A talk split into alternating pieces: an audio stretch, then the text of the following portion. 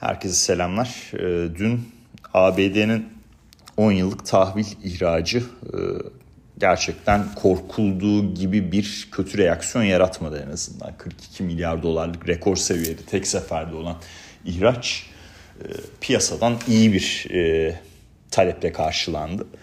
Ve ihraç öncesi fiyatlamanın yani getiri seviyesinin daha doğrusu ihraç öncesi getiri seviyesinin aşağısında tamamlandı. Bu olumlu. Ee, bununla beraber 10 e, yıllıklar işte 4-10 seviyelerinde işte bir 4.09'lara indi vesaire. İhraç sonrası biraz daha geriledi getiri ondan sonra tekrardan yükseldi vesaire. Ama e, en azından e, ihraç ile sert bir yükseliş yaşamadık. Yani bugünkü haber akışında e, talep düşüktü e, vesaire. Yani borçlanma ile ilgili problemler vesaire. Bunlar çok konuşulmuyor.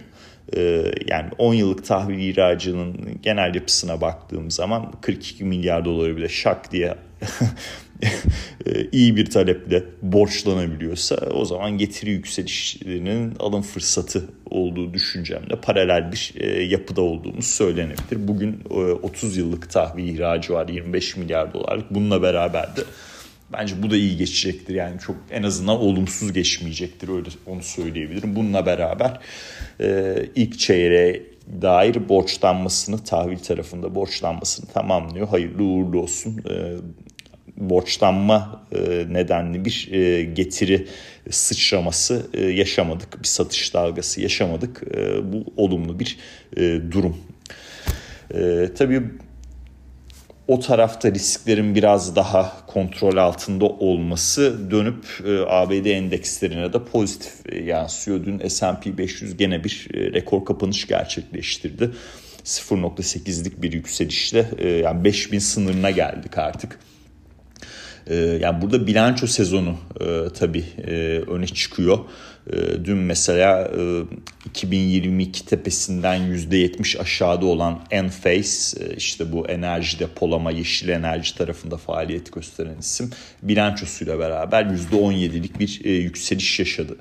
E, ya seans sonrası Arm Holdings yani e, ya bu göstere göstere geldi hani bu, bu ya dün de yazmayı düşündüm ama yazmamak büyük e, hata olmuş. Ee, yani hem cep telefonu pazarının toparlandığını biliyoruz. Apple'dan rakamları aldık. Ee, işte e, Google tarafında Android e, kısmını biliyoruz. Samsung'daki gidişatı biliyoruz. Ee, hem e, işte cep telefonu pazarında bir toparlanma var. Hem yapay zeka tarafında ilgi, yatırımcı ilgisi hala yüksek. Ee, işte AMD mesela bir düşüş yaşamıştı bilanço sonrası ondan sonra toparlıyor tekrardan.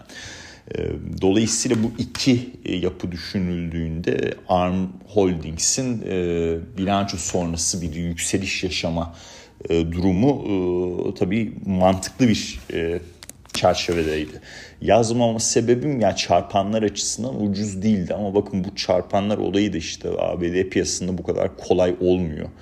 Ee, yani e, görece ucuz, görece pahalı yorumları yapılabilir ama e, yani görüyorsunuz e, görece pahalı olan bir hisse görece daha pahalı hale de gelebiliyor. Dün Arms Holding, Arm Holdings %40'a yakın yükseliş yaşadı seans sonrası. Daha sonra bir %20 primde dengelendi. Bugün %30 falan giderse hiç şaşırmayacağım yani kapanış bugünkü kapanışta Arm Holdings tarafı bayağı etkin olacaktır piyasada.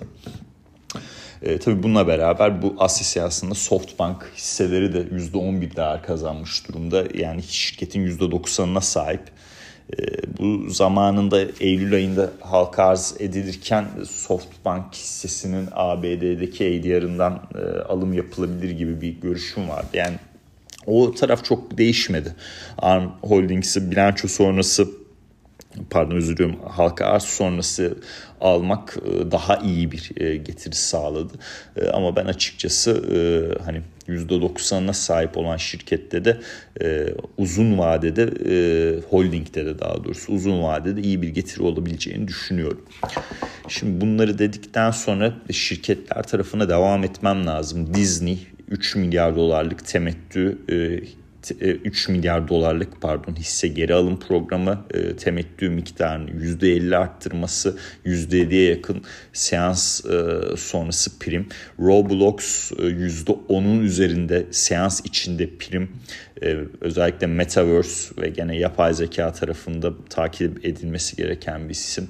E, Uber e, iyi rakamlar ışıkladı ama yatay bir kapanış yaptı. Çünkü orada primler bayağı ya oluş yani 2023'te bayağı primler oluşmuştu. Ee, şimdi görüyorsunuz e, hani açıklamalar e, kötü gelmiyor. E, bu da tabii bizi ne noktaya getiriyor? E, 5000 seviyesinin köşesindeyiz. Düzeltme olacak mı olmayacak mı? Ben görüşümü koruyorum. E, top Nvidia'nın aslında e, orada eğer Arm'a, Arm Holdings'e benzer bir hareket görürsek düzeltme olmaz. 5000'in e, üzerine otururuz ve orada fiyatlamalar devam eder. E, ama eğer e, orada bir e, kar satışı görürsek e, o zaman düzeltmeye gireriz. E, hep beraber takip edeceğiz. Ekonomik verileri de o noktaya kadar takip edeceğiz. Bugün mesela haftalık işsizlik başvuruları var. Çin tarafında deflasyon riskleri devam ediyor. Hem tüfe hem üfe yıllık bazda eksi de arkadaşlar. Ee, Çin endekslerindeki toparlamada bir alım dalgası geliyor. Ondan sonra duruluyor. Birdenbire tekrardan satışa geçiyor. O taraf da kalıcı bir şekilde toparlanmaya geçmekte zorlanıyor. Ee, işte mesela dün Alibaba e, yani 25 milyar dolarlık e, e, hisse miktarda 25 milyar dolarlık miktarda hisse geri alım programını arttırdı. Buna rağmen hisse yani %5 %6 artıdan %6 eksiye geçti. Ee, yani bu tarafı beklemiyordum açıkçası öyle bir şey. Ama tabii yani e-ticaret tarafında e, çekirdek yani ana faaliyet konusu e, yani bir miktar e, soru işaretleri içeriyor ama yani hala pazar payı olarak bir numaralı isim büyümesinde ama sıkıntılar var. Bunu kabul ediyorum. E, temettü açıklaması da 25 milyar temettü diyorum. Yani hisse geri alım programını arttırması da 25 milyar dolar. Aslında hissesinin ucuz olduğunu kendi değerlemelerine göre ucuz olduğunu gösteriyor ama e, hissede hareket bir türlü gelmiyor. E, bunları dedikten sonra yani son olarak e, jeopolitik taraf e, ya bir süredir Gazze'de ateşkes e, olabilir mi soruları vardı. E, Netanyahu pek bu tarafa sıcak bakmıyor. E, dolayısıyla jeopolitik riskler masada kalmaya devam ediyor arkadaşlar. Bunları dedikten sonra herkese teşekkür ediyorum dinlediğiniz için. İyi günler diliyorum.